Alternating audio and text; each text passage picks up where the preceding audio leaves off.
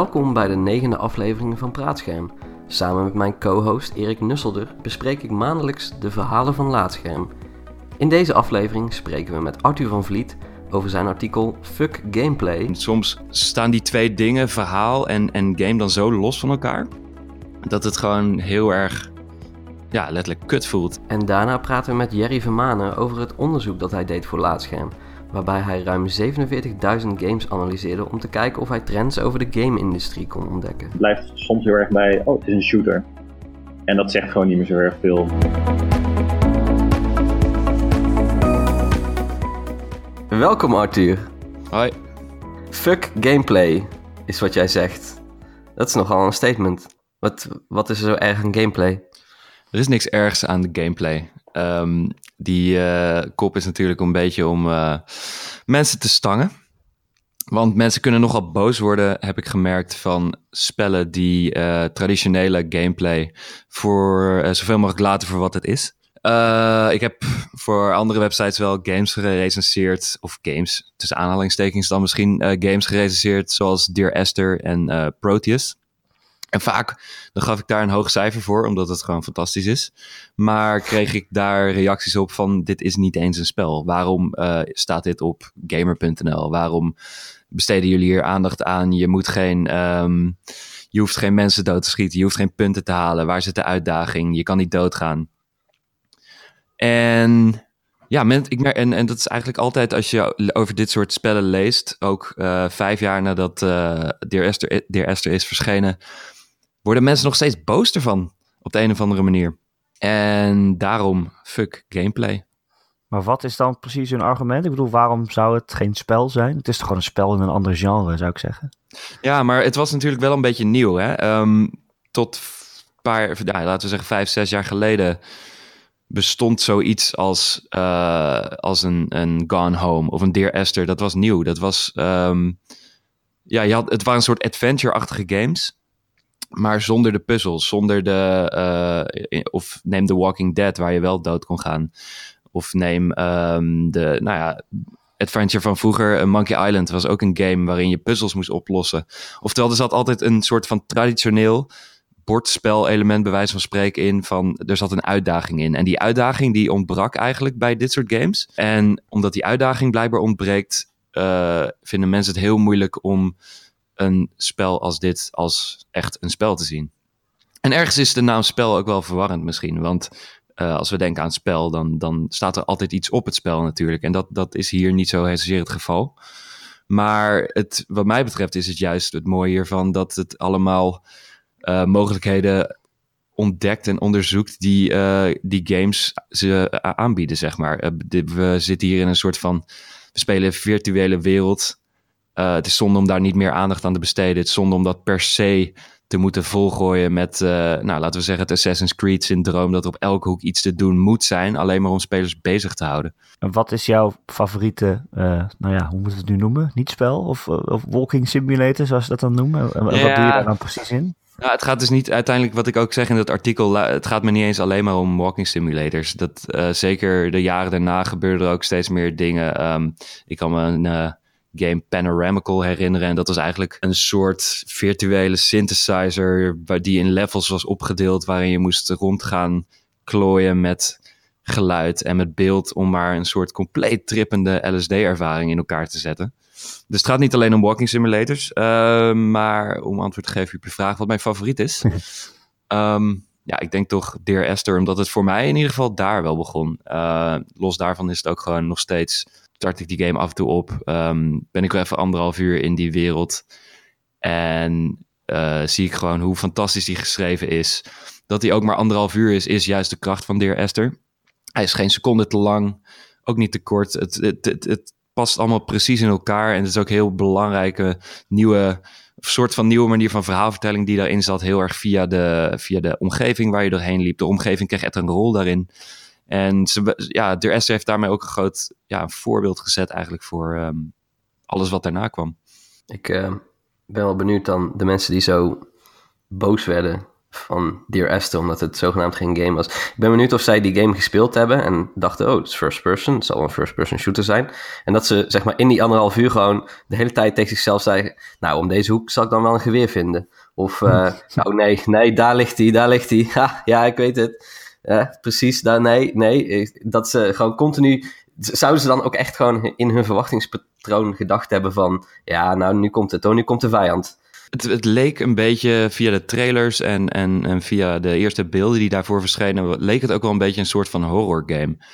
En, en zelfs horror kan je ook nog wel uh, zonder wapens doen. Dat heeft, uh, hoe heet dat, Slender heeft dat wel aangetoond. En dat, uh, die, hoe heet die game ook weer, altijd weg moest rennen met, terwijl je zo'n camera bij had. Outlast. Outlast, ja. Ja, en, en dat zijn natuurlijk ook spellen waar je weinig kan doen, maar vooral moet wegrennen. En, en men verwachtte misschien ook zoiets van Dear Esther, omdat het wel een redelijk duister, guur, ehm, ja, qua beeld was, wat het allemaal liet zien voordat die game uitkwam. Dus misschien zaten mensen inderdaad om elk hoekje te wachten van wanneer ga ik nou eens me kapot schrikken? Wanneer komt deze broek nou eens vol? Nou, ik, had, ik had dat bij uh, Gone Home.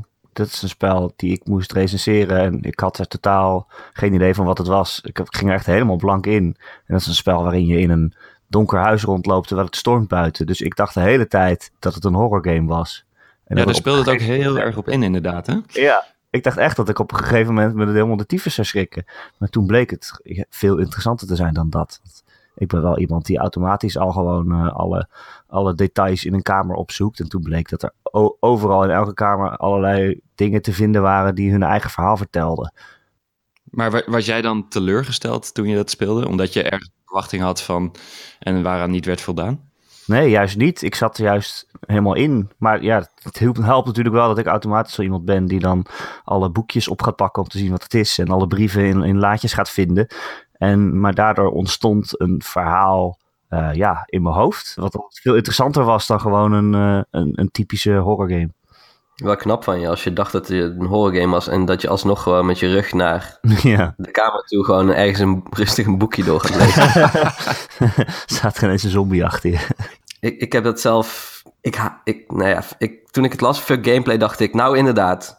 Het is goed dat het is gezegd wordt. Want in, in, in sommige gevallen denk ik echt van oké, maar waarom, waarom moet ik nu op dit moment, moet ik per se iets doen, zeg maar. Gewoon in, in bepaalde games is dat gewoon, het voelt gewoon formulematig. Gewoon van, oh ja, oké, eh, kijk, bij, bij Zelda wil ik het nog wel geloven dat de, de Triforce, dat, dat, die bestaat uit drie stukjes. Dus dat je er dan drie moet vinden, vooruit. Oké, soms is dan het, een van de drie stukjes is dan weer opgedeeld in vijf stukjes. Dan denk ik al, hmm, opmerkelijk, maar oké, eh, daar wil ik dan nog wel meegaan. Maar in, in sommige games is het echt gewoon van, ja, nee, je moet nu deze drie deuren openmaken. En dan denk ik, oké, waarom moet het er drie zijn? Oh ja, het moet er drie zijn, omdat ik dan drie keer ongeveer hetzelfde kan doen en dat levert weer een half uur gameplay op. Terwijl ik denk, dit doet niets voor het verhaal. Dit is gewoon puur mij bezighouden. Gewoon een half uur zeggen, nou, over een half uur zien we wel weer wat we met het verhaal gaan doen. In de tussentijd is hij in ieder geval bezig. en dat, ja, zo, zo, dit klinkt nu heel erg overdreven, maar in bepaalde aspecten is het wel zo. Dat het gewoon is van, ja, hier, hier heb je iets te doen. Wat niets bijdraagt aan het verhaal. Er zijn ook games die het anders doen. Ik bedoel, in sommige open wereld games is wat je aan het doen bent ook absoluut niet boeiend. Maar ondertussen loop je door de wereld en leer je de wereld ook kennen. En je ziet details in de spelwereld die zijn aangebracht waarvan je denkt, oh, dit, ik weet niet, dit, dit helpt mijn beeld van, deze, van dit universum vormen. En dan is het prima. Een soort van The Witcher uh, deed dat ja, heel goed. Ja, The Witcher vond ik daar heel goed in. Ja, ik bedoel, dan was je soms ook gewoon, ja, weet ik veel wat, niet zeggende monsters aan het slopen. Maar ondertussen was dan wel de kans aanwezig dat je ergens, weet ik veel wat, een ja, met bloed doordrenkte brief in, in het zand vindt en denkt, oh, wat is dit? Uh, en dan vind, ik het, dan vind ik het wel weer oké. Het was ook wel een beetje de insteek van waarmee ik het schreef van het, is, het voelt zo erg als bezigheidstherapie en het feit dat uh, men een game maakt, dus dan ook een soort van verplichting voelt om aan een bepaalde hoeveelheid uren van, van die bezigheidstherapie te voldoen of zo. En soms staan die twee dingen, verhaal en, en game, dan zo los van elkaar, dat het gewoon heel erg ja, letterlijk kut voelt. Ik, ik, terwijl ik, ik heb sommige games, dat is, ik kan me even geen voorbeeld bedenken, maar dat ik er dan in zit om het verhaal, wat echt super tof is. En dan is dat heel goed geschreven, maar op de een of andere manier word je tegengehouden omdat je bezig wordt gehouden. Dat, Ja. dat is hetgene waar juist, juist dit, soort, eh, ja, dit soort nieuwe non-games, om ze zo maar te noemen, ehm, een beetje scheid aan hebben. Zoiets van, en, en meer juist die verhaalvertellende, dat verhaalvertellende potentieel van het medium wel eh, gewoon durven te omarmen. En de rest lekker te durven laten zitten. Oh ja, één één ding, eh, die noemde ik in, ehm, in het artikel ook. Dat was eh, zo'n game over Philip, van Philip K. Dick. Op basis van een verhaal van hem. Californium heette dat. En dat was zo'n fantastisch goed vormgegeven wereld waarin zich dit afspeelde. Het was een soort LSD-achtige trip die steeds verder ontspoorde. Maar je moest telkens elke keer weer iets van drie of vier dingen doen die zo irritant waren om verder te komen. Dat ik op een gegeven moment heb ik gewoon die game weg, eh, weggezet en ben ik hem op YouTube gaan kijken. Omdat ik dacht, dit slaat gewoon nergens meer op. Nou, ik heb het altijd bij Uncharted. Dat, eh, Uncharted games, die speel ik voor het verhaal. En ja, vooral voor de hele leuke personages die goed zijn geschreven. Eh, en, daarom speel ik het. En dan kom je af en toe in een, in een arena waar dan weer tien slechterikken op je afkomen die je moet doodschieten. En dat schieten is niet eens heel erg superleuk. Maar je doet het maar omdat je, omdat je weer verder wil. eh, en meer van het spel wil zien. Dus ja, dan is het wel echt een soort van bezigheidstherapie geworden. Ja, uiteindelijk wel. Ja, je ziet ook dat die, die games die dan meer narrative-driven zijn, die zijn in die zin vaak wat korter. Daardoor ook wat strakker. En ergens is het natuurlijk logisch, want je kunt enerzijds zo'n narrative-driven iets is waarschijnlijk 40 uur lang gewoon niet vol te houden. Ehm, anderzijds wil niet zeggen dat de games die 40 uur zijn niet zeg maar meer zouden kunnen leren van dat soort games en van hoe die inderdaad het verhaal gewoon vertellen aan de hand van ja, soms is het niet meer dan lopen en kijken, maar eh, daarmee kunnen ze alsnog gewoon je weten te boeien. Maar de vraag is natuurlijk wel ehm, waarom, en dat is wat heel veel eh, critici dan zeggen, van waarom is, moet dit dan een game zijn? Wat, wat is de toegevoegde waarde van dat je rondloopt en rondkijkt, als dit ook gewoon in boekvorm, eh, weet ik veel, een fucking schilderij had kunnen zijn? En om meteen maar even antwoord te geven op die eigen vraag. eh, ja, ik had dus ooit, heb ik die gast van Dear Esther gesproken, die maker erachter, en die zei ook van, ja, maar het is juist dat jij zelf in die wereld, zeg maar, je stapt eigenlijk in het schilderij om daar rond te gaan kijken. De, de, de maker heeft iets gemaakt en jij kan daarin, krijgt daarin de vrijheid om zelf op je eigen tempo rond te gaan lopen. De maker legt daar bepaalde hints voor jou neer. In Der Esther waren dat toevallig allemaal flarden verhaal die je zelf maar in je hoofd moest zien te verbinden tot één geheel. Ehm, maar alsnog is juist, denk ik, dat rondlopen alleen al is een, eh, voor mij in ieder geval, de aantrekkingskracht ervan. Omdat ik helemaal word meegenomen naar een wereld, naar een soort fantasie die voor mij wordt eh, geschetst.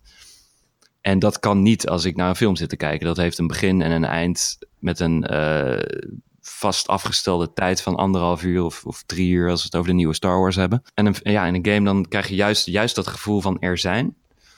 Dat is de toegevoegde waarde. Dat is de reden dat je het in een virtuele, eh, om, dat je verhaal in een virtuele omgeving probeert te vertellen, zeg maar. Ja, en dat is voor mij de reden dat ik wel horrorfilms kan kijken en geen horrorgames kan spelen. Oh, ja. Daar is, dat verschil daarin is gewoon, ja, in een film, als iemand op een hoek afloopt en er staat iets engs om de hoek waarschijnlijk, ja, ik kan er niet zoveel aan doen. Ik kan kijken en dat lukt nog wel. Alleen in een game moet ik zelf lopen en dat gedeelte maakt het gewoon, dat zorgt dat iedere actie gewoon meer impact heeft. Want ik doe het zelf uiteindelijk.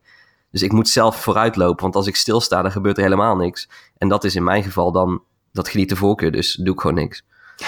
Ehm, Ik zou hier heel graag een keer een stream van willen kijken. gewoon dat ik in een huis sta, gewoon stil. Ja. En denk, nee, ik ga het niet doen. Nee, ik ga gewoon niet de hoek omlopen. Ik ben hier veilig.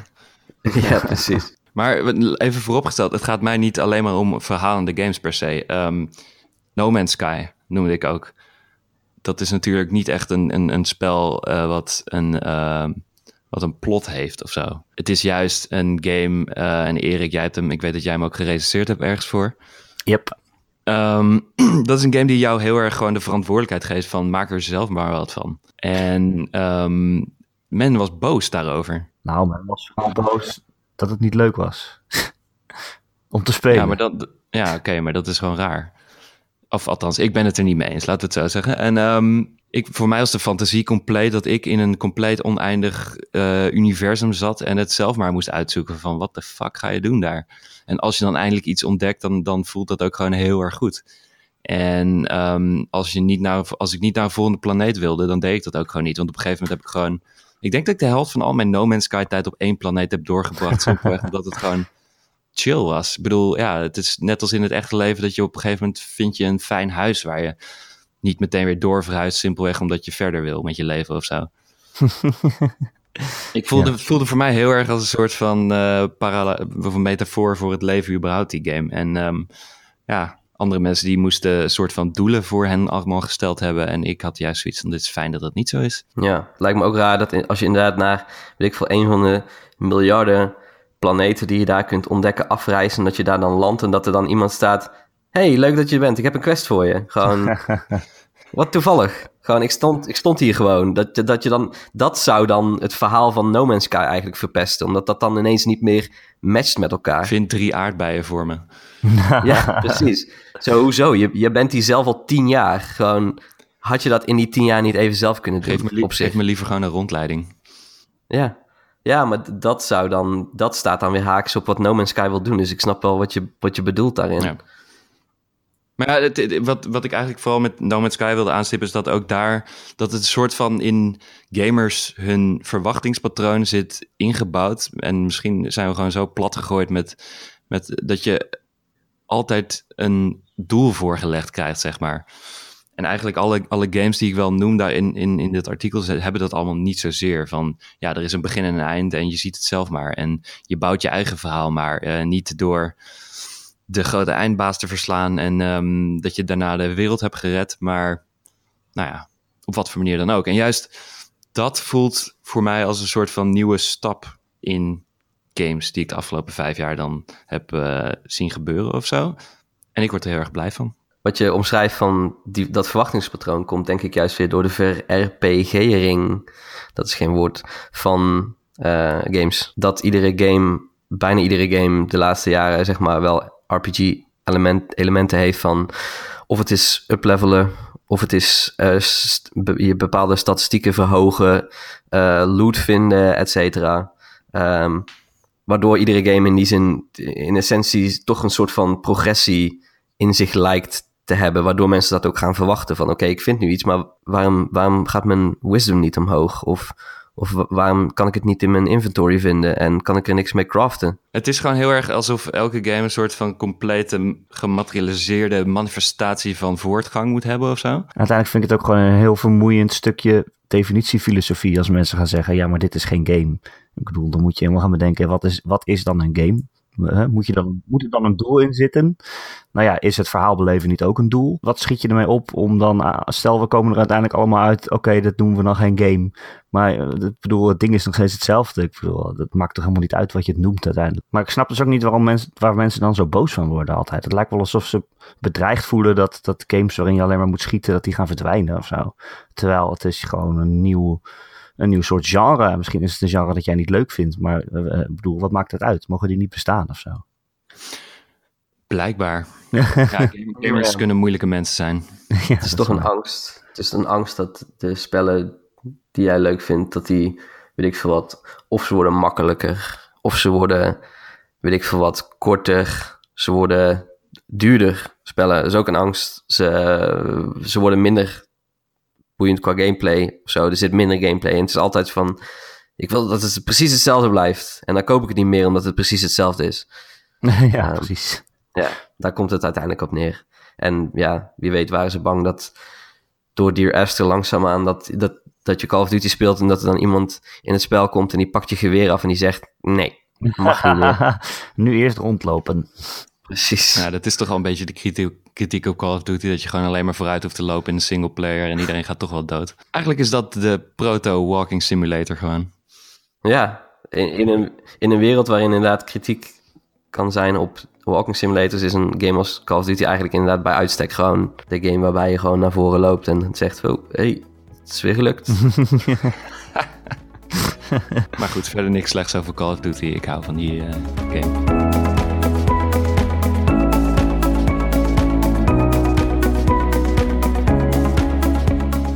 Onze volgende gast is Jerry Vermanen, die een artikel heeft geschreven waarin hij een hele grote database van games uh, heeft onderzocht om te kijken welke trends hij kon ontdekken. Hey Jerry. Hoi. Jouw artikel, ehm, het is nogal wat. Eh, wat vertellen 47.263 games ons over de game-industrie? Uh, dat is een heel exact getal. Kun je even kort uitleggen ehm, wat je precies voor dat artikel onderzocht hebt? Ja, um, nou waar ik eigenlijk heel erg nieuwsgierig naar was, was ik, ik had een paar jaar geleden had ik een hele toffe grafiek gezien. Uh, en dat ging over allerlei genres van games. En dat was een andere uh, gast, ik ben zijn naam even kwijt. Jasper Juhl heet hij volgens mij. En die had dus allerlei games had hij verzameld van een van de database. En daar heeft hij gewoon een heleboel Excel-kracht tegen aangegooid. Dus allerlei genres en allerlei dingen heeft hij eruit gehaald. En dat heb ik ooit een keer in mijn achterhoofd geparkeerd. Van hé, hey, dat wil ik zelf ook nog een keer gaan doen, maar ik heb nog geen idee hoe. En uh, eigenlijk uh, sinds kort zag ik ineens de, de Games DB, de Games Database, een soort van IMDb voor, uh, voor games. En um, toen dacht ik van nou, misschien kan ik proberen om daar 47.263 games uit te halen. Um, en te gaan kijken wat ik voor dingen eruit kan halen. En wat voor conclusies ik kan trekken. Uh, en dat heb ik gedaan. Uh, sowieso voor de luisteraars, lees uh, Jerry's stuk, Jerry's stuk even um, aandachtig. Bekijk ook goed de grafieken. Eén um, ding wat me gelijk opvalt, en daar zullen, dat heb je ook in je stuk genuanceerd, maar uh, je zegt dat het aantal games uh, eigenlijk al stevast, het aantal games dat per jaar uitkomt, eigenlijk al stevast afneemt. En mijn ja. eerste gedachte was, um, dat lijkt me sterk. Want hoe kan dat dan? Hoe kan dat nou? Ja, nee, ik heb uh, voor die grafiek, de allereerste grafiek, en heb ik ook geprobeerd te becijferen, je ziet echt hele, drie hele duidelijke pieken. Um, en dat gaat om het aantal releases van games. Je ziet eerst een soort van piek ergens in de jaren 80. En dan een beetje rond het uh, tijdsperk van de, van de PlayStation 1 en 2 zie je het ook weer enorm stijgen.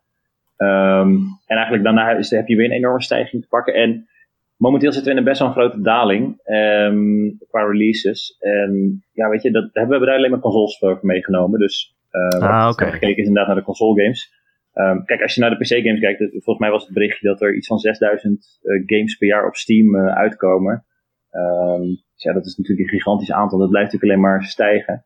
Um, maar echt specifiek naar, naar de consoles gekeken. Het lastige is, zo'n GamesDB wordt echt bijgehouden ook door gewoon mensen die um, games voorbij zien komen. Als je, console games zijn nog vrij overzichtelijk. Die kun je nog makkelijk invoeren. moet je alle games die ook in de early access op Steam uitkomen en zo, dat is gewoon niet te doen. dus ik heb op een gegeven moment ook een beetje op die manier geprobeerd te beperken. Ook alle mobiele games eruit weer te halen. en het is tegenwoordig ook zo makkelijk om, een, ja, om dingen op Steam ook uit te, te brengen. Ja, ja. Het is ook niet heel erg interessant om daar per se naar te kijken. Je hebt het echt over gigantische games, maar ook over piepkleine games. Dingen die je nauwelijks games kunt noemen.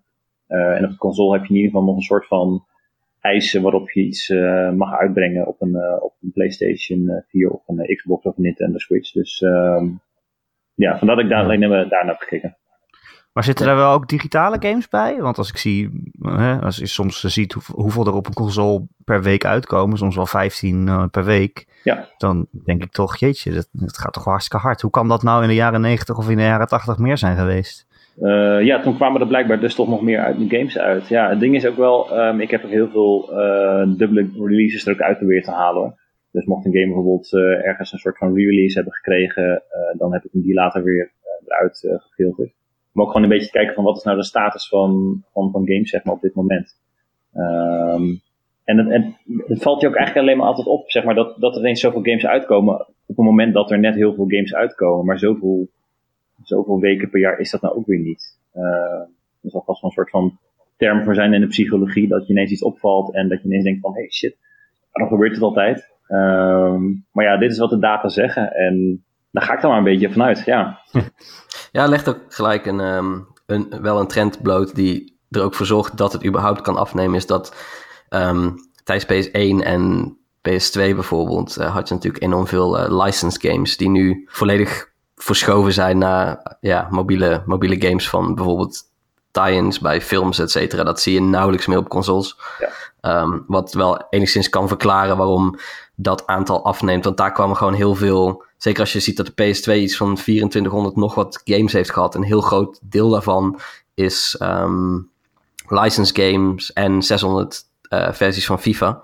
Dat is eigenlijk niet meer zo. Dat gebeurt nauwelijks meer. Nee, inderdaad. En het, het, lijkt ook heel erg van, we zitten nu in een enorme daling en er worden minder games uitgebracht. Dat klinkt erg negatief. Um, maar eigenlijk, dat hoeft helemaal niet per se iets vervelends te zijn. Ik bedoel, het feit dat er minder games uitkomen, betekent misschien ook gewoon dat er veel minder troep uitkomt. Dus veel minder van die games van, god, er komt een of andere film uh, van Disney of Pixar uit en er wordt een, een vrij matige game van gemaakt. Um, dat heb je nu gewoon niet zo erg op de consoles. Dus um, het hoeft ook helemaal niet per se een nadeel te zijn dat we nu in een dalende trend zitten, dat er minder games worden uitgebracht. Het kan misschien ook gewoon betekenen dat het nu verschuift van er worden gewoon een paar hele goede games uitgebracht. Um, en aan de onderkant uh, van de markt verdwijnt gewoon een heleboel. Ja, ik zie dat niet per se echt een nadeel. Ja, nee, in de jaren tachtig is, de, is de hele markt natuurlijk zo ongeveer uh, gecrashed uh, onder het ja. gewicht van de grote hoeveelheden troep die, die op de markt kwamen. Met, uh, met E.T. natuurlijk als, als schijnende voorbeeld daarvan. Ja. Dus nee, wat dat, wat dat betreft is het misschien wel goed. En, ja, dat was, allemaal, dat was allemaal shovelware dat maar gewoon eh, op die Atari werd geflikkerd. Uh, zoveel mogelijk maken, proberen, ja, zoveel mogelijk bedrijven probeerden zoveel mogelijk games te maken. Exact, maar, ja, maar ook, uh, uh, kijk, hoe realistisch gezien, hoeveel games kun je in een jaar spelen? Ik bedoel, iedereen bouwt op een gegeven moment ook wel een soort van backlog op van, van games, oh ja, die moet ik eigenlijk spelen en daar kom je ook nooit meer aan toe. Nee. Dus maakt het heel veel uit dat er nu minder games uitkomen als je toch het merendeel niet kunt spelen. Ehm, ja, ik zie daar niet per se een heel groot eh, eh, nadeel in. Wat viel je nog meer op eh, na het analyseren van die database? nou, wat, wat ik zelf wel heel interessant vond, was um, dat eigenlijk die games wel minder toegankelijk worden. Ik heb gekeken naar die ESRB-ratings. Dus uh, gekeken naar van, hè, hoe, hoe, streng worden die games nou uh, beoordeeld. En wat je steeds vaker ziet, is dat er steeds minder eigenlijk uh, E for Everyone wordt gerate. Dus die games worden, zeg maar, procentueel gezien steeds minder voor alle leeftijden geschikt en steeds meer mature of, of in ieder geval een stuk ouder moet zijn um, uh, games worden uitgebracht. Um, en kijk, dat kan aan verschillende dingen liggen en dat is soms heel moeilijk te benadrukken van wat ligt het eraan dat die games gewelddadiger wordt of ligt het eraan dat ze strenger worden beoordeeld. Um, maar wat het gevolg daar wel van is, is dat games op die manier wel uh, minder toegankelijk worden. Dus stel je voor dat je nu als jonge gamer wil beginnen. Er liggen wel procentueel gezien steeds meer games ook in de winkel met een, met een hogere leeftijd uh, eraan vast. Dus dat is wel, um, ja, dat vond ik nog wel ergens interessant. Van, goh, we doen net alsof het, ja, wij zijn allemaal, zeg maar, uh, eind uh, 30, halverwege 20. Dus um, voor ons is het vrij makkelijk om games te kopen. Maar stel je voor dat je nu jong bent en je gaat naar een, gameswinkel, dan, dan is er gewoon een heleboel keuze wat eigenlijk niet aan jou mag worden verkocht. Dat vond ik eigenlijk wel opvallend. Daar heb ik eigenlijk nooit over nagedacht en dat viel me heel erg op in die, in die data. Ja, ja, ik denk dat ook dat, uh, want uh, bijvoorbeeld uh, PEGI of PEGI systeem wat dan in, Europa um, geldt, dat kijkt ook heel erg naar, um, maakt een onderscheid tussen zeg maar, ja, eigenlijk realistisch geweld en, en cartoon violence. Wat, waarbij ja, eigenlijk tekenfilmachtig geweld, dat, dat, dat leidt minder snel tot een hogere rating. En met steeds realistischer wordende graphics is natuurlijk wel op een gegeven moment ook um, ja, games zien er realistischer uit. En daarmee um, zijn ze ergens automatisch ook al. vallen ze in een, een hogere leeftijds. Uh, um, in een hoger leeftijdsadvies, denk ik. Ja. Dat zal er ook wel mee te maken hebben. Ja, inderdaad. Het geweld komt gewoon veel. Ja, uh, veel realistischer. Veel, veel shockender eigenlijk op je beeldscherm. Uh, ja. Dus ja, dat klopt inderdaad. Ja, met bloed, realistische bloedeffecten. Dat uh, als je een arm eraf schiet, dat, uh, dat er echt bloed uitspuit op een manier en dat het op de grond blijft liggen, et cetera. Dat, ja, op zo'n manier kan geen, kan, kunnen die games sowieso al niet meer 10, uh, een 10 rating krijgen. Nee. Nee, maar denk je niet, denk je niet ook dat het percentage volwassen gamers ook gewoon hoger ligt dan vroeger? Want vroeger was gamen wel echt iets voor kinderen, tenminste zo werd het gezien. En ja, die mensen die toen kinderen waren, dat zijn nu volwassenen geworden. En er zijn weer nieuwe kinderen die aan het gamen zijn. Ik denk dat er gewoon meer volwassenen zijn die gamen. En daarom dus ook meer games die zich op die markt richten. Ja, zeker. Ja, zeker. Ja, ja. dat denk ik ook wel. Dat, dat, zoiets is ook wel goed, hè, dat zo'n genre denk ik ook meegroeit met, met een groep die dat vroeger ook heel veel heeft gedaan. Het is alleen belangrijk dat je ook wel in de gaten blijft houden. Dat je ook wel uh, voor mensen die misschien net in aanraking komen met games, dat je daar ook gewoon een goede en interessante keuze hebt. Dus ook in dit geval het hoeft niet per se heel slecht te zijn dat, um, dat er zeg maar veel meer games als mature of voor hogere leeftijd in ieder geval worden gerate. Um, dus neem wel, ik denk het wel belangrijk om in ieder geval de gaten te blijven houden van goh, kunnen we zeg maar jonge gamers nog voldoende interessante dingen bieden. Um, waar ik me niet per se zorgen over of zo. Maar dat, nou ja, ik vond het wel een interessant dingetje wat ik, uh, wat ik zo tegenkwam. Ik dacht van, hé, hey, die drempel wordt in ieder geval wel een stuk hoger door om te beginnen met gamen. Wat mij ook uh, opviel, en dat je zelf ook in het stuk um, uh, geschreven, vandaar dat het me opviel. Hm. Um, ja, ik, ik, schrijf het aan mezelf toe, maar dat, uh, dat komt omdat jij het hebt onderzocht. Maar um, ja, de, de genre, genre hoe noem je dat? Niet inflatie, deflatie, weet ik het. iedere game is tegenwoordig, bijna iedere game omvat tegenwoordig bijna verschillende genres. Waaronder RPG, actie, avontuur. Waardoor de vraag rijst van, uh, wat zegt een genre nog eigenlijk? Ja, dat verwaart het helemaal. Ik bedoel, je ziet, um, ik heb gekeken en er waren de drie uh, grootste genres uh, van het afgelopen jaar waren action, adventure en RPG. En dan denk je van, ja, natuurlijk, yeah. ik kan heel veel games bedenken die daarin vallen, maar sta er eens even bij stil wat dat precies betekent. Wat is nou een adventure game? Of uh, hoeveel games kun je dan niet bedenken waar RPG-elementen in zitten? En is dat dan ook is dat dan ook een RPG? Dus zeg maar, het genre bestaat volgens mij ook niet meer in games. Um, en volgens mij is dat ook wel een dingetje waar we. Uh, het, wordt, het wordt daardoor ook wel steeds lastig om een game te omschrijven. Als je niet gaat denken over uh, Overwatch bijvoorbeeld, ja, dat is ook weer niet puur een shooter. Daar zitten ook allerlei een soort van RPG-elementen in, want je kan levels omhoog gaan. Uh, maar dat is ook online en het is ook met heroes. Dus het heeft ook een soort van tactisch element. Dus, het is ontzettend ingewikkeld om sommige games ineens um, in één zin te kunnen omschrijven. Ja, en heel veel dingen zijn ook een action-adventure, zoals een Horizon of zo. Dat is, ja. Het is actie en het is avontuur. Ja, avontuur is ook zo'n heel breed begrip natuurlijk. Ja, is er een verschil tussen action en adventure? Ja, dat is, als iets een adventure is, dan zit er waarschijnlijk ook heel veel actie in. Dus het is heel erg lastig om daar um, echt je vinger op te leggen op een gegeven moment. Van wat, wat past nou precies in welk hokje? En dat, dat vind ik zelf wel uh, ook interessant, want ja, hoe ga je dus die games omschrijven? Moet je daardoor niet een soort van nieuwe, nieuwe termen gaan bedenken of een nieuw vocabulaire gaan ontwikkelen om games te kunnen, te kunnen duiden? Er worden wel pogingen toe gedaan. Uh, dan moet je denken aan uh, mensen die ineens games allerlei Metroidvania's gaan noemen. Of hé, hey, dat is een roguelike. Of bullet hell games en zo. En dat, dat heeft ook wel een soort voordeel. Je weet gelijk een beetje van, oh wacht, het is die specifiekere richting. We, we gaan in de naam al soort van twee uh, genres met elkaar mengen. Um, maar het maakt ook ergens iets lastiger, want je, bedoel, wij weten ook wel weer waar dat over gaat. Uh, maar ook in dit geval geldt, als je wat jongere gamer bent of je hebt niet een enorme gamegeschiedenis, dan heb je, je hebt waarschijnlijk nog nooit een, een Metroid of een Castlevania game gespeeld. Dus wat zou een Metroidvania dan moeten zijn? Um, dus ergens maakt het ook alweer lastig om, op dit moment nieuwe genres te gaan bedenken. En dat vind ik ergens ook weer interessant, want dat betekent wel dat games een soort ontwikkeling hebben doorgemaakt. Het soort, wordt altijd gezegd van games worden volwassen. Um, ik weet niet of je dat dan zo kan noemen, maar we zitten in ieder geval op een punt waarbij die oude termen allemaal niet meer gelden voor de games die, die, die nu worden gemaakt. Um, dus we moeten gewoon heel erg ons best doen, denk ik, om nieuwe, nieuwe genres te gaan bedenken die een, een specifieke game beter kunnen omschrijven.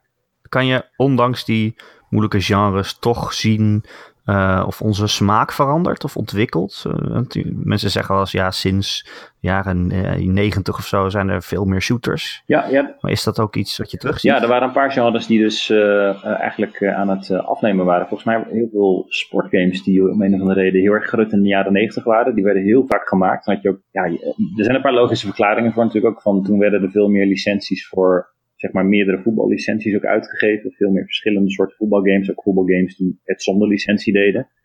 Um, een beetje de, de, de game modus zeg maar in uh, Pro Evolution Soccer. Dat je al die uh, bedachte namen hebt. Omdat ze daar geen licentie ja. voor hebben.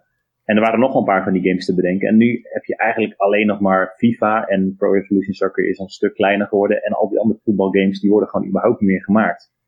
Dus op die manier uh, ja, worden ook bepaalde genres soort van weggeconcureerd, doordat er één of soms twee hele grote overblijven.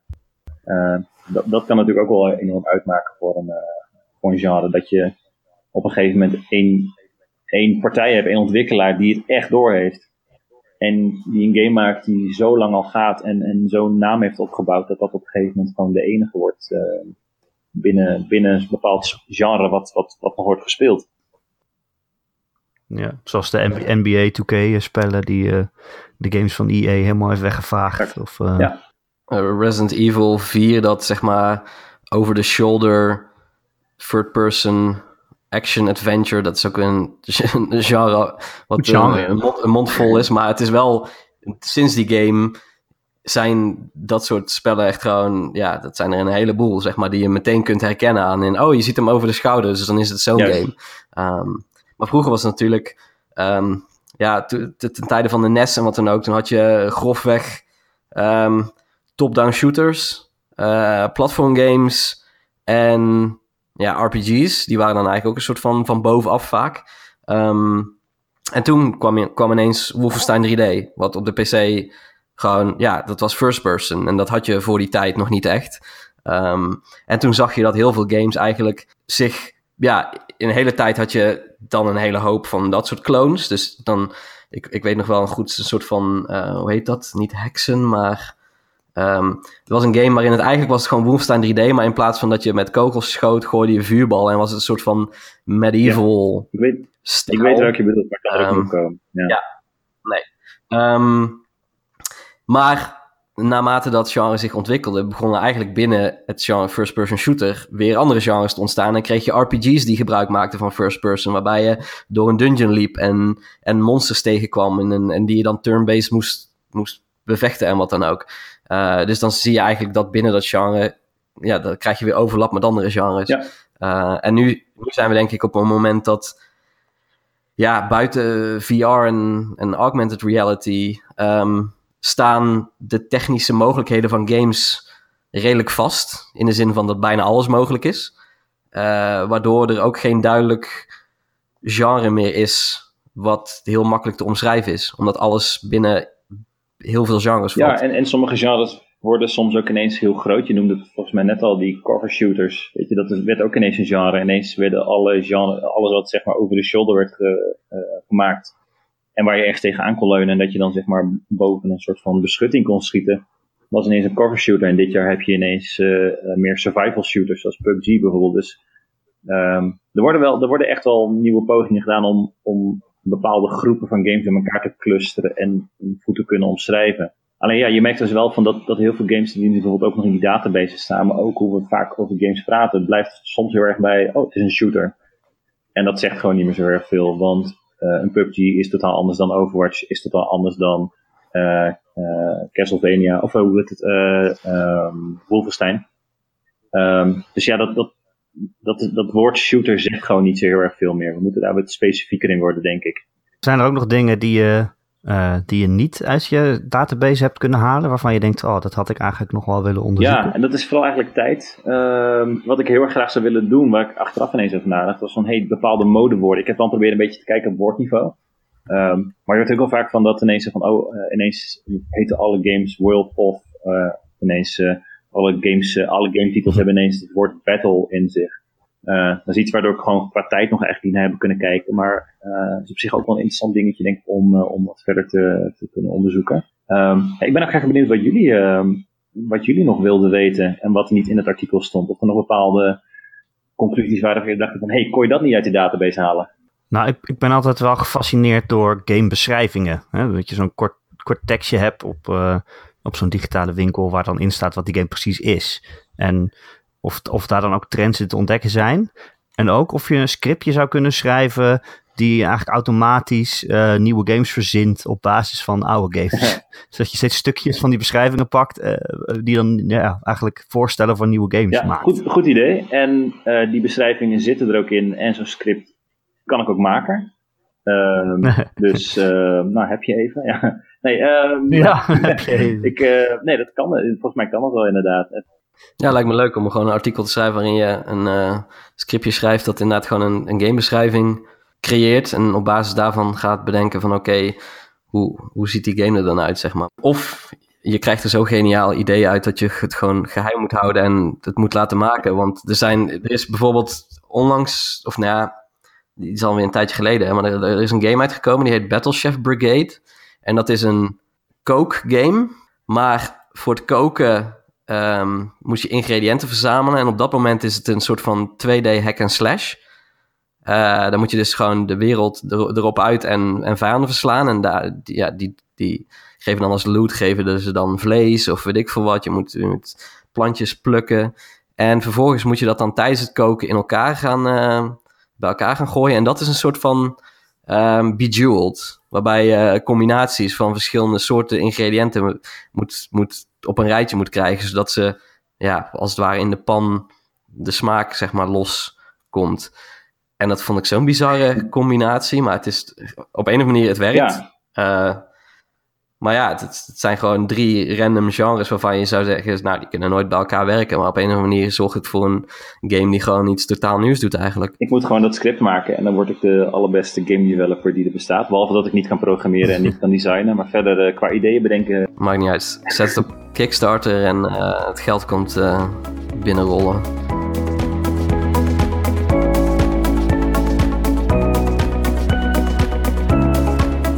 Dankjewel voor het luisteren naar deze aflevering van Praatscherm. Uiteraard kun je de verhalen die in deze aflevering besproken zijn terugvinden op onze website laatscherm.nl of je kunt ze beluisteren via onze andere podcast Laatscherm voorgelezen, waarin onze redacteur Arjan Lindeboom al onze verhalen inspreekt. Volgende maand zijn we er gewoon weer met een nieuwe aflevering. Tot dan!